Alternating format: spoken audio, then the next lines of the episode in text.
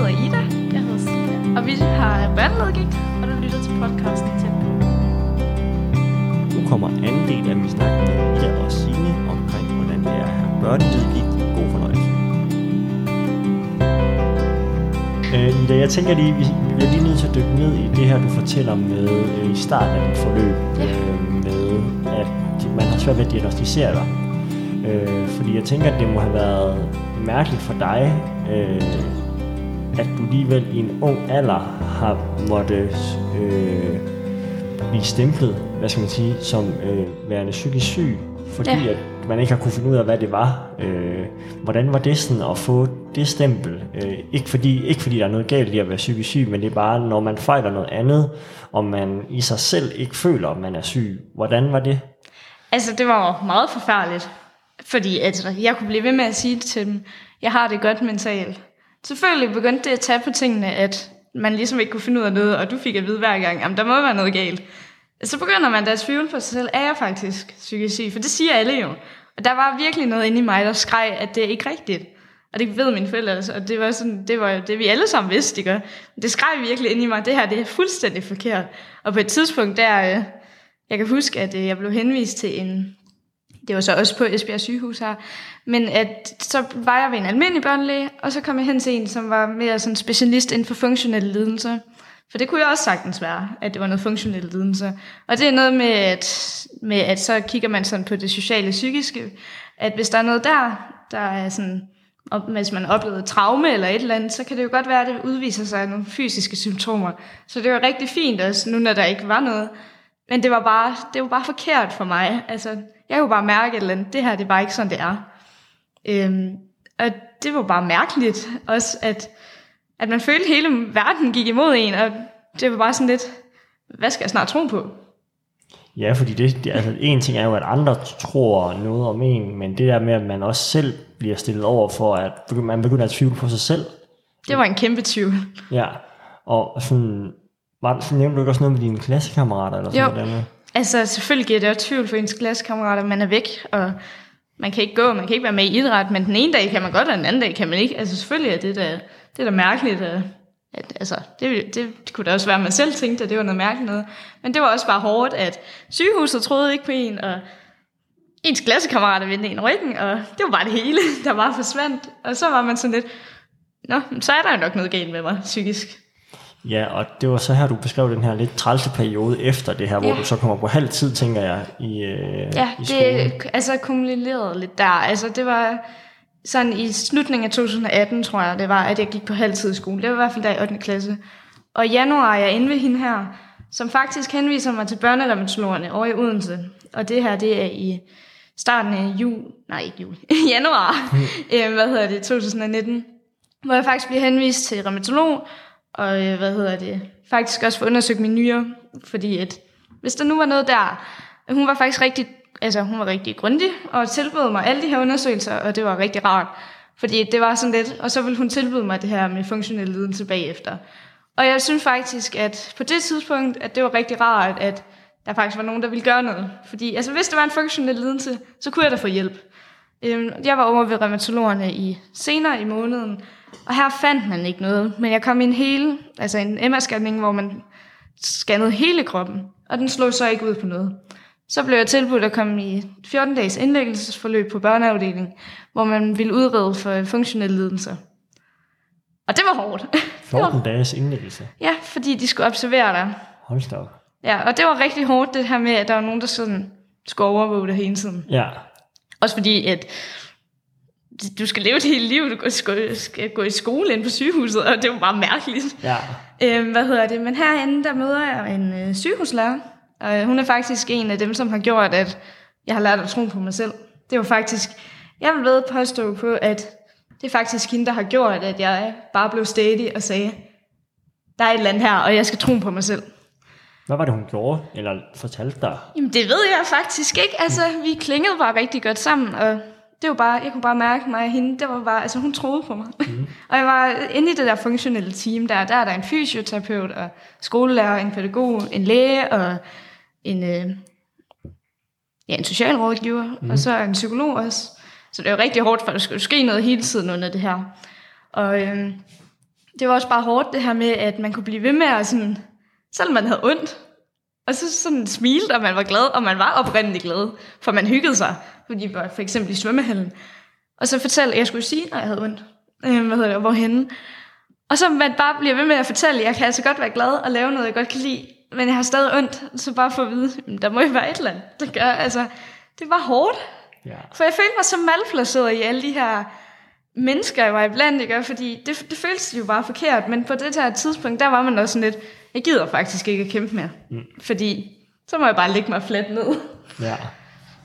Men den her, altså hvad skal man sige, din kamp for ligesom at blive accepteret, Ja. øhm, vender den, da du møder hende læreren? ja, det gør den. Altså, jeg kunne i hvert fald bare mærke, at hun ville hjælpe mig, uanset hvad der skulle ske. Ikke? Mm. Øhm, og desværre, øhm, i det her øh, funktionelle team, indlæggelsesforløb, så er der sådan en udskrivningssamtale, hvor at man først taler med mig og mine forældre, og så bagefter, hvor det kun er mine forældre. Og mine forældre ender faktisk med at blive underrettet til kommunen. Nå. Og jeg kan godt sige, det var det, det var det sidste, jeg havde brug for, og det var det også det sidste, mine forældre havde brug for. Ej, det var da vanvittigt. Ja, fordi de mente, at jeg var for meget alene hjemme. Og det ja. handlede seriøst om, at jeg var, jeg var hjemme. Jeg er altså 14 på det her tidspunkt. Jeg kan godt klare mig selv om morgenen og komme i skole, ikke? Ja. Men også det der med, at, at de åbenbart arbejder for meget og sådan noget. De har et helt almindeligt arbejde til sådan noget, hvad? Klokken 7 til klokken 13 eller 15. Eller, altså, det kunne ikke blive mere normalt. Mm. Det, det var så, det hele det var bare så forkert. Ja. Øhm, men altså, mine forældre kunne jo heller ikke rigtig gøre noget, så der måtte jo komme en ud fra kommunen af, og øh, hun siger efter 3-4 minutter, hvad er det egentlig lige, jeg laver herhjemme? I har det helt fint i en helt almindelig familie. Det var faktisk helt rart at få at vide. Ja. Men det var da skræmmende, at der er en eller anden fra kommunen, som er nødt til at komme ud i vores hjem. Altså, Og kig om alting Ja. okay. jeg, jeg, jeg har aldrig følt mig så... Jeg ved ikke engang, hvad jeg har følt mig. Mm. Jeg har bare følt, at jeg var sådan nærmest åndssvag. Altså, Ja. Så altså, det virker til, at det har været, altså dit udredningsforløb har været langt. Det har været langt. Det har næsten taget to-tre år, ja. fra det hele startede. Og så faktisk det, der begynder at gøre det lidt mere tydeligt, det er for et påvirket immunforsvar. Faktisk kun, det her, det var, den- jeg blev udskrevet den 14. marts. Den 18. marts blev jeg hentet med ambulance, fuld udrykning, har 40 feber og rigtig, altså bare rigtig dårlig. Og der var faktisk mistanke om, at jeg har meningitis. Og det har jeg så heldigvis ikke. Jeg har bare en rigtig, rigtig slem halsbetændelse, jeg reagerer rigtig slemt på. Mm. Øhm, og der tænker man lige, hvad, hvad foregår der ikke? Fordi man, man plejer altså ikke lige at have det så dårligt, når man bare har halsbetændelse. Øhm, og faktisk i som maj, der bliver jeg indlagt, hvor man tror, jeg har blindtarmsbetændelse. Og her bliver jeg mødt af en tarmkirurg, som faktisk tager mig meget alvorligt. For jeg fortæller om det her. Jeg bliver altså ved med at have det skidt. For hun spørger ind til, hun har siddet og læst hele min journal igennem. Så hun er jo faktisk fokuseret på noget, som hun egentlig ikke burde at fokusere på. Men hun kunne jo godt høre, at der var noget, der var galt her. Mm. Og hun fandt ud af, at jeg havde hævet lymfeknuder forskellige steder. Så der var jo et eller andet, der skete i min krop. Mm. Øhm, hvad hedder det? Så hun var sådan lidt, jeg tror enten har du en tarmsygdom, eller så har du børneledgigt, som der har lagt mistanke på hele tiden. Mm. Så øhm, hun øh, lavede en opfordring nærmest til øh, min egen børnelæge, og jeg blev henvist til Odense igen. I mellemtiden, der var jeg, jeg fik så ikke fjernet min blindtarm, for jeg havde ikke blindtarmsbetændelse. Jeg havde ondt i maven, og man ved aldrig hvorfor. Mm. Øh, men jeg fik det bedre, men det her med, at jeg var mere og mere syg, altså så havde jeg tit halsbetændelse og sådan noget, og blærebetændte, alt muligt, og det har jeg bare ikke haft før. Mm. Øhm, hvad hedder det? Og så er jeg i, øhm, så er jeg op ved egen læge, i forbindelse med, at jeg skal have en, øhm, en genhenvisning til en fysioterapeut, for jeg døjer rigtig meget med smerter i ryg og nakke, og det har jeg gjort i lang tid. Så det har, været, det har bare været, som det var. Og så min læge, han er sådan lidt, hvorfor er det egentlig lige, at du skal have en ny tid, eller, eller sådan en ny henvisning til fysioterapeuter? Jamen, så fortæller jeg jo sådan og sådan, og så er han sådan lidt, så går han ind og kigger på mine blodprøver. Hvorfor er der ikke nogen, der har taget de rigtige blodprøver? Der er ikke nogen, der har taget dem der lidt udvidet. Dem får jeg taget. Jeg slår faktisk ud. Det er på min fødselsdag, der i den 31. maj 2019. Og det var bare, jeg var, jeg var faktisk rigtig ked af det, fordi jeg tænkte bare, kan det ikke bare stoppe det her? Fordi at jeg tænkte, det slår jo ud. Altså, det kan jo ikke, det, det der gør der jo ikke noget. Men det gør det faktisk. Mm. Og øh, så blev jeg henvist til Odense for en tid i midten af juni, for at lave en, øh, for taget nye blodprøver, rigtig mange blodprøver. Øhm, så, skal, så får jeg en infektionsdagbog, fordi nu lagde jeg mistanken på, enten har jeg børneledgigt eller en immundefekt. fordi jeg havde rigtig tit feber. Ikke høj feber, men så lagde jeg tit der på 38,5. Ja. Bare sådan ud af ingenting. Ja. Så kommer jeg, så skal jeg over den 9. august, mener jeg. Men der ligger jeg nede på Esbjerg sygehus, fordi at, øh, her der ligger mistanken igen på blindtarmsbetændelse, så den tager de ud. Det var så heller ikke blindtarmsbetændelse. Mm. Men altså, nu skulle den ud, fordi at nu, ja. nu Ja. gad vi ikke mere. Mm. Så jeg kunne jo desværre ikke komme derover der. Mm. Men i mellemtiden her, der har jeg faktisk fået et hædeled. Min øh, højre tommelfinger og håndled, det blev hævet. Jeg kom på, øh, lidt ligesom i prægen og sådan noget, så findes der nogle forskellige typer. Ja. Og øh, her, der har vi jo allerede haft kontakt sammen med rheumatologerne, så jeg ringer over og fortæller sådan og sådan, og nu den hævet. Så jeg får faktisk sådan, bare sådan nogle piller. Og så skulle jeg se, om det hjælper. Og det hjælp. Jeg har aldrig haft så få smerter, som jeg havde på det tidspunkt. Jeg har så bare haft meget værre nu, ikke? Men på ja. Det tidspunkt. Øhm, så jeg fik en akut tid, fordi jeg var ligesom indlagt der. Og så, øh, rigtig nok, der var gik der aktivitet. Og så slog det endelig ud, efter tre års langt forløb. Så et langt udredningsforløb, hvor at man kan sige, dine forældre blevet indberettet, I blevet stillet spørgsmålstegn ved flere ja. forskellige steder. Øhm, ja, dit forløb har som sagt været lidt anderledes. Øh, du har haft det lige siden du var lille. Men jeg kunne også læse mig til, at du er blevet opereret for ledegigten. Er det på grund af brudskaderne? Øhm, ja, det er det. Øhm, det, var, det var også lidt, faktisk lidt spøjst, fordi at, øh, jeg øh, gik i længere tid øh, og rigtig, rigtig meget ondt rundt på min ankel, og øh, det i forvejen er jo ikke ret godt, hvis du ikke har gigt, men samtidig med det havde jeg jo så gigt, og øh, gigten går nogle gange ind, når du har forstået led og irriteret led, fordi der er noget galt derinde. Og øhm, jeg begynder at øh, få sådan nogle klikkende lyde, som om der er noget, der sådan klinger sammen, og knæ, det knaser, og så udvikler det sig faktisk til, at det føles lidt som om et ankel, det går led, fordi at det, det er som om, der er noget, der, sidder, der sætter sig i klemme, sådan at det er sådan, jeg skal skubbe det på plads. Og det bliver så rigtig, rigtig slemt, at øh, jeg faktisk er øh, bange for at spille håndbold, fordi at, øh, jeg var bange for, at det er begyndt, fordi jeg oplevede på et tidspunkt, hvor at, øh, jeg hopper jo ind over, og så mm. går det, knækker det så på den her, hvor at jeg ikke ved med ankel, og så lander jeg så hårdt på det, mm. at det knækker ned igen, og så knækker det så ud igen. Mm.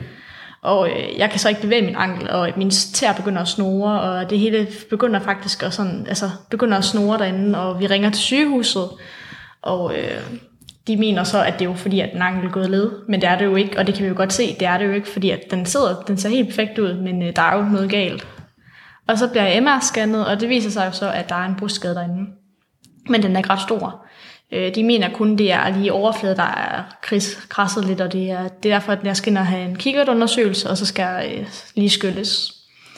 Men øh, de havde rigtig travlt på det her tidspunkt, så jeg fik først en, sådan en tid, øh, var det i august, øh, sommerferien 2019, og det kunne jeg ikke vente på, for jeg havde rigtig, rigtig ondt, og jeg kunne ikke gå længere ture, og jeg var bange, faktisk bange for det, der skete hele tiden, så øh, vi bestillede en tid på et privathospital, og det er i marts, den 7. marts, øh, jeg får en tid.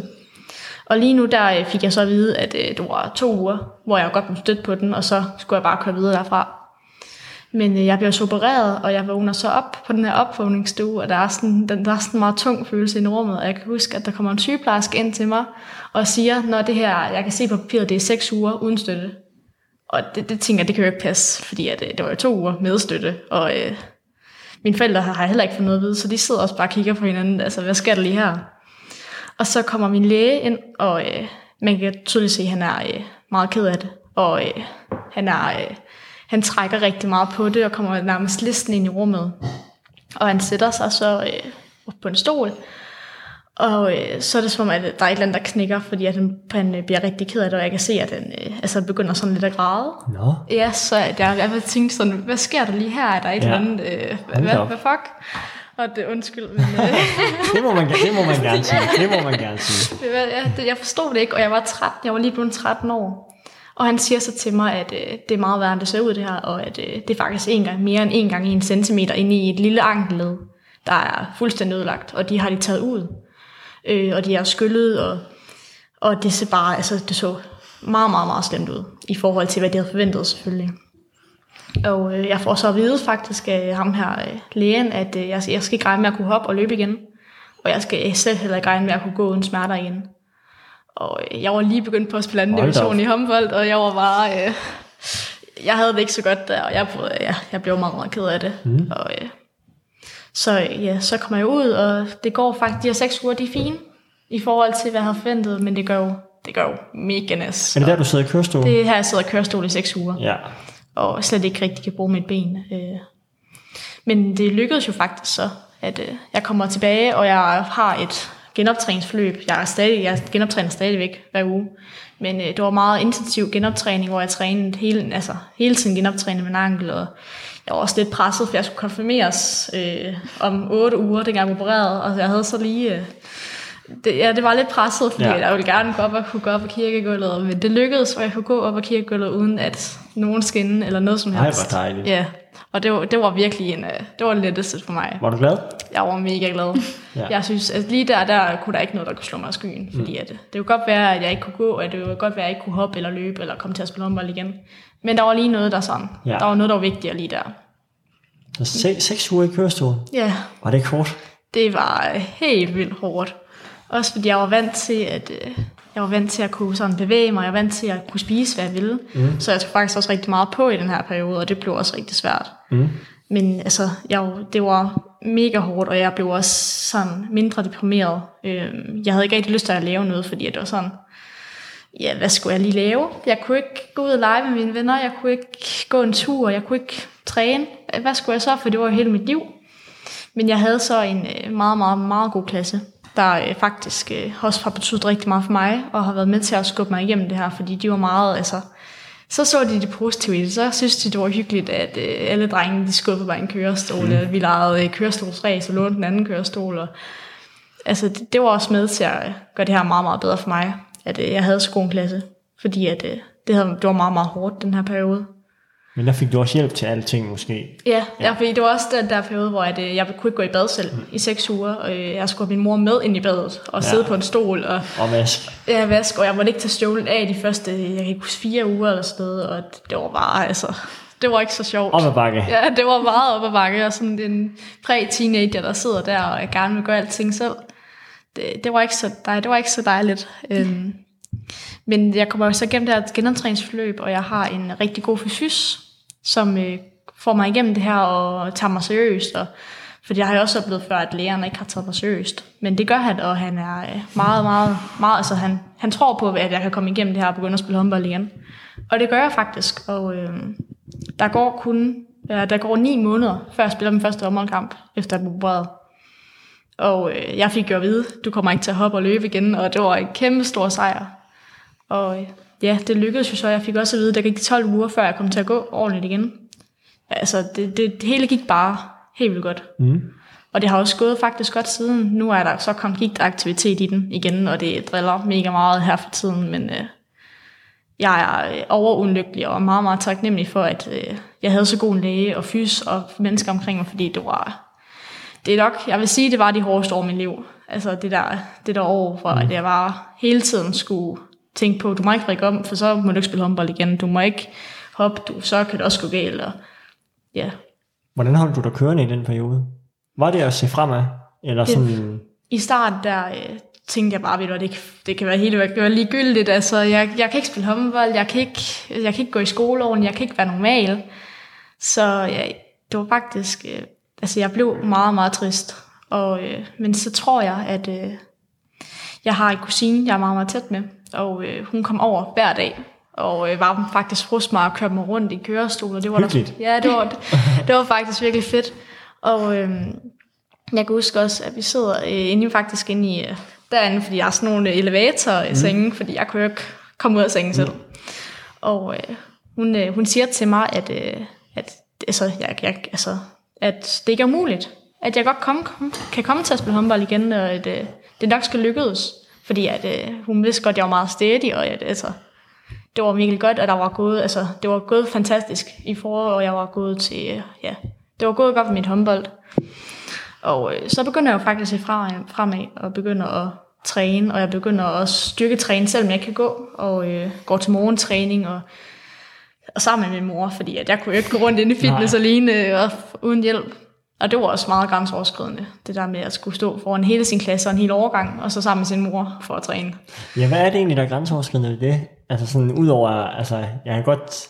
Var der noget bestemt, der var grænseoverskridende ved det? Jeg tror, jeg synes, jeg var pinligt. jeg synes, det var mega pinligt, at skulle stå sammen med sin mor. Hun skulle stå og kigge på en, og mens jeg stod på roet på sådan en, og også mens jeg styrketrænede. Jeg synes bare, at øh, det var mega pinligt for alle andre. De kunne jo godt træne selv, og, og jeg kunne også godt se, at der blev sendt nogle blikke rundt omkring, og øh, jeg fik da også nogle øh, lidt træls kommentarer, men Hvad var det for nogen? Altså for eksempel. jeg blev kaldt øh, meget, meget barnlig, og jeg blev kaldt, at jeg var mors pige, og jeg var, øh, altså, jeg var en lille pige, og jeg ikke kunne gøre noget selv, og jeg faktisk også skulle have skiftet min blæ, fordi Okay. at jeg... Øh, ja, Seje typer. ja, de, de troede, det var, de troede, det var lidt sejere end øh, Ja. ja. eller os andre. Ja. Men øh, altså, det var hårdt, men øh, vi kom alle sammen igennem det. Blev du ked af det, når du fik sådan noget at vide? Altså, Ja. altså sådan, jeg ved godt, det sårer en, men sådan, altså, i selve situationen, øh, bliver du så ked af det, når, altså, når der kommer sådan en dum kommentar? I starten gjorde jeg. Mm. Der øh, blev jeg meget, meget ked af det, og troede også på, at jeg var den her lille pige, og at jeg ikke kunne gøre noget selv, og mm. tog det også rigtig meget til mig. Men altså, de sidste uger, altså der var jeg så de to sidste uger, jeg sad i kørestol, der øh, lærte jeg at lade det ligge det fra mig, fordi jeg var sådan, altså, nu er jeg kommet så langt, Mm. og jeg er, der er ikke så lang tid tilbage af min kørestol, og jeg kan, jeg kan træne selv. Det, der er noget faktisk den sidste uge, og godt, godt, også kunne træne lidt selv, for jeg nåede balancen. Det var rigtig hårdt, det der med balance og sådan noget. Men øh, altså, jeg tror bare, jeg lærte det ligge det fra mig, fordi at, øh, altså, det, det har sovet mig stadigvæk, når jeg tænker tilbage på det, og tænker, wow, de, altså, de var slet ikke mine venner, dem her, selvom jeg troede, de var. Hvad er det, der sårer dig? Jeg tror, det der med den måde, de kigger på mig, at kiggede på mig, den her meget hjælpeløse pige, Mm. der øh, har profil til alt, og at, fordi jeg har været vant til den der, øh, jeg har været vant til at have en usynlig sygdom, og det har jeg også. Men at jeg lige pludselig kan se, at jeg er noget galt, mm. og at de faktisk lægger mærke til det, og begynder at trykke på nogle punkter, som jeg har ømme i forvejen, for jeg kan ikke lide, jeg, kunne ikke, jeg kan stadig ikke lide det, men det der med at få hjælp og spørge om hjælp, mm. det kan jeg ikke rigtig lide. Mm. Og øh, det kunne jeg heller ikke dengang. Og jeg tror, de, at den måde, de trykkede de her punkter, at jeg var hjælpeløs, og jeg Ja. ikke kunne gøre noget selv. Det bekræftede Ja, det bekræftede min, det, jeg troede også Ja. mig selv. Har du fået sådan nogle dumme kommentarer i det? Ja, det har jeg. Hvordan øh, oplever du det og håndterer det? Altså, først og fremmest, så rytter man jo ud i det mennesker, der ikke er Ja. god vin. At, men det gav jo også sig selv, fordi alle vendte jo nærmest ryggen, ikke? Ja. Ja. Altså, der fandt jeg virkelig ud af, hvem er egentlig mine rigtige venner. Ja. Altså, så det der med, at de tror, at de er seje, fordi de smider alle mulige kommentarer efter en, det er virkelig nødt til at, det er også noget, jeg kigger tilbage på. Det er med, at man er nødt til at tænke, jamen det er faktisk mig, der er sej. Ja. Fordi jeg faktisk tør. Jeg har også haft kørestol med i skole, fordi at, øhm, jeg var på noget biologisk medicin, som øh, gjorde, at jeg rigtig tit var, altså, havde feber og fik mange infektionssygdomme. Øhm, hvad hedder det? Og min gik, den brød totalt ud. Øh, det var helt ustyrligt, så jeg kunne slet ikke øh, noget som helst. Øhm, men jeg ville i skole en juleferien, fordi at det var, altså, det, vi skulle hygge. og jeg, vi havde klasseværelse op på anden sal, og jeg fik nogle pedeller til at hjælpe med den der kørestol og få den op, og det tog sin tid at komme op ad trappen, men det skete. Og så kommer man altså, i skole, og man glæder sig faktisk til at være her, og nu er det været så bøvlet og det hele. Og så får man bare at vide, at man er spas, og jeg ved ikke hvad. Altså, jeg husker, jeg var grædefærdig i den jul. Jeg synes, jeg har aldrig følt mig sådan. Ja, det kan godt være, at jeg følte mig skidt på af de andre, den, altså, da de vendte med ryggen, men når man lidt ligesom Signe fortalte det her med, så bliver det synligt. Og så er der ikke rigtigt, altså, så, så, så er folk bare... længere. Ja, og folk, de, de rammer bare lige der, hvor man er følsom. Ja, fordi er, er det frustrerende, eller hvad skal man sige, i den her situation, er det, at det lige pludselig, udover at være usynligt, bliver altså synligt? Er det det, I sådan reagerer på, at, at så snart at det bliver pointeret, at man kan se det, er det der, det sådan rammer noget i jer? Altså især det der med, at det er jo svært nok at have en usynlig sygdom i forvejen, fordi det ville da være nemmere, hvis folk kunne se det. Ja, man har brækket benet, for eksempel. Ja, men når det så også virkelig bliver synligt, så er det også forkert, fordi vi er jo vant til, at det er usynligt. Mm. Altså det er meget det der med, at Altså, det er, jo, det, er jo, det er faktisk sindssygt frustrerende også, fordi ja. at du er vant til at have en sygdom, der er ikke nogen, der kan se det. Du kan skjule den så let som ingenting, at du ikke har ondt og sådan noget. Men så når at folk, de, nu lige pludselig, der kan du sidde i kørestol, eller har et eller andet, altså, hvor du tydeligt kan se, det her, det, altså, der er noget galt med ham eller hende, som det kunne være. Og så at de bekræfter de her mistanker, fordi der, jeg, jeg ved, at jeg er slet ikke den eneste gik-patient, men også bare i det hele taget patienter, der har det der med, at man kan ikke lide at være hjælpeløs. Man gider ikke være hjælpeløs. Og så lige pludselig får bekræftet det der med også, at øh, man tror i forvejen, der er noget galt med en, fordi man har en sygdom. Og så begynder de at kalde en mongol, eller spasser, eller et eller andet mærkeligt, og så, står man bare sådan, wow, måske ejer jeg også det. Måske ja. er det faktisk det, der er galt med mig. Altså hvor, alle hvor de der... var I da, da, de, da, da de begynder at... Jamen altså her har jeg jo stadig været de der 15 år, for det var relativt nyt i min diagnose. Det var lige op til jul der, og jeg var mega syg. Men Hvor- den, hvor gammel altså, Det var hele mit liv faktisk. Ej. Jeg har været 6, dengang jeg fik det at vide første gang. Og så har jeg fulgt det hele mit liv faktisk. Og Ja. især i det der øh, tredje faktisk klasse, hvor det faktisk tog fart, fordi der sad jeg i en speciel stol. Ja. Der blev jeg kaldt nogle meget, meget lede ting. Ja, altså det er også det der, når du har synlige hjælpemidler. Jeg har ikke så meget siddet i kørestol, men jeg har en specialstol. Mm. Og øh, til flere tusinde kroner, og det synes, at øh, det var der mange, der synes, at øh, uh, så var man specialbarn, og du var så speciel, og altså, vi andre må jo snart ikke være her. Det var altså sådan noget med, at, at det var nærmest som om, at det sådan lidt, jeg ved det ikke engang, altså det var bare ubehageligt, at folk de var sådan lidt, jeg kan ikke bare forstå, at jeg faktisk overhovedet ikke lyst til at have den her stol, men jeg gider heller ikke at have mega ondt hele tiden, og det, det var det der... valg. Nej, jeg har ikke noget valg om det. Mm. Altså, så det er sådan meget frustrerende, det med, at folk ikke bare sådan, "Øh, så kan de i hvert fald bare holde mund. ja lige præcis. Altså, det, øh, det vil jeg også sige, at øh, det tager vi stærkt afstand fra om folk her i podcasten. Det, det, altså, det, det er så... Øh, Ja. det er så langt væk, når man... Fordi især det her med, at man har en usynlig sygdom, øh, fordi det er bare sådan en lille ting, der lige skal blive trykket på, på en, så bliver man rigtig ked af det, Ja. og, og man begynder måske at bilde sig selv nogle ting ind, som jo ikke passer. Altså, jeg har i hvert fald oplevet, at det, der skal ikke så meget til, før man tager det ekstra meget personligt. Så går man måske, så fanger man sig selv i at sige det til sig selv, og så er man sådan, hvad sker der egentlig her? Ja, er jeg egentlig hjælpeløs? Og, Ja. Ja, men det er også det der med, at jeg har heldigvis... Altså jo, det var mange dårlige oplevelser i mit øh, udredningsforløb. Heldigvis var jeg jo ikke så lang tid igen på skolen, fordi så kom corona også, og det her med kørestolen, det var lige der i, i slutningen af 2019, og det, hvad hedder det, jeg var i 9. klasse her, mm. så efter jeg kom på gymnasiet, havde det hjulpet meget, men jeg synes heller ikke synes, det var sjovt at komme på gymnasiet med en eller anden specialstol og kørestol og krykker. Men forskellen var på, at på gymnasiet kunne jeg rejse mig op og sige, jeg er Ida, og jeg har den her sygdom med i bagagen. Hvorimod i folkeskolen var det meget sådan, her er sygdom, og så har vi Ida. Altså, det var meget sådan, jeg blev altså, set. Så det har jo hjulpet mig meget, det her med, at jeg jo kunne gå op og fortælle sådan og sådan, og så er den egentlig ikke længere. Og det er der ikke nogen kommentarer på overhovedet. er, du, er du ubehagelig at skille sig ud?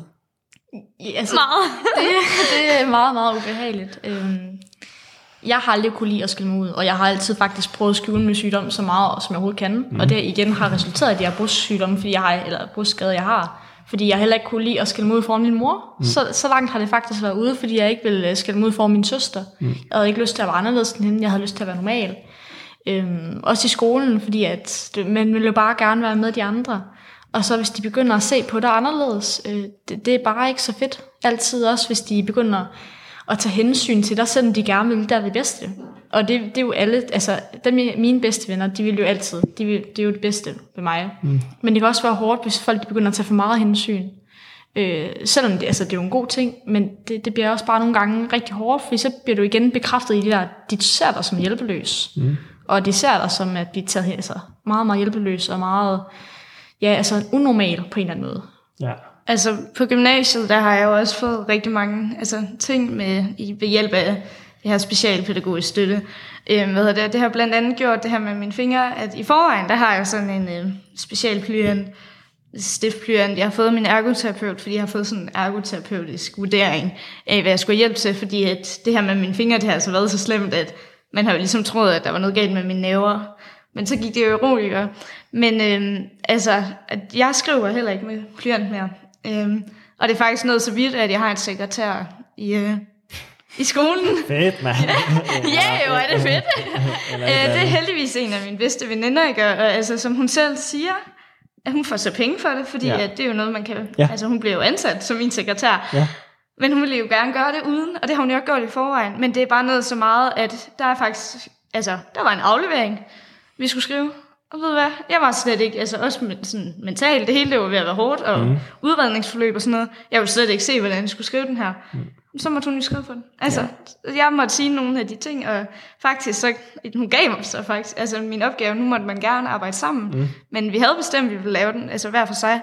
Men det er også bare det der med, at det er rart, at jeg kan få den hjælp, men ej, hvor er det træls, at jeg ikke selv kan sidde nogle gange og skrive min stile, og det gør da også mig lidt bekymret Altså, også for næste år, når det er NHF, og det er afslutning. Altså, mm. hvad, sker der så? Ikke? Så det er lidt der, der med, at jo, jeg har fået mere støtte, og det passer bedre på mig, fordi det giver sig selv, mine fingre er så svage, at mm. der er ikke andre valgmuligheder, ikke? Men mm. det er bare skræmmende, at da man startede i gymnasiet, der kunne du godt. Mm. Og så går der, hvad, et halvt år, så kan du ikke noget. Så det var meget sådan... Ja. Men det var bare godt, at man har, altså man er et sted, hvor du kan blive tilbudt den her hjælp. Og mm. der har slet ikke været noget problem med det. Ja. Ligesom at øh, ordblinde har øh, mulighed for at have deres bøger på computeren, så mm. har jeg også det. Også selvom jeg ikke er ordblind. Ja. Øhm, fordi jeg, jeg kan simpelthen ikke bære på alle de bøger frem mm. og tilbage. Og, ja. Men der er det jo også det der med at acceptere det. Jeg accepterer, at du har brug for hjælp. Det, og det er meget ja, svært. Det er øh. sindssygt. Og det er virkelig en udfordring i sig selv, at man skal acceptere, at du får brug for hjælp. Du får brug for at bede om hjælp, og du mm. får brug for at tage imod den hjælp, der kommer. Det er også det der med fremtiden. Hvor meget kan jeg selv? Altså, mm. Og det kan virkelig svinge rigtig meget, fordi nogle gange så får man det bare bedre. Andre gange, så ved man ikke, hvad, altså, hvordan fremtiden ser ud. Fordi at, jeg kan da godt huske, at jeg tænkte, min kæbe, det her, det bliver aldrig bedre. Mm. Men det er det jo. Altså, ja. Og det har jo kun været fordi, at jeg har bedt om hjælp og har fået hjælpen. Og fordi folk de har givet mig hjælpen, selvom jeg ikke vil have den. Det var anden del af min snak med Ida og Signe omkring børnenedgik med igen på fredag, hvor tredje og sidste del kommer. Hej hej.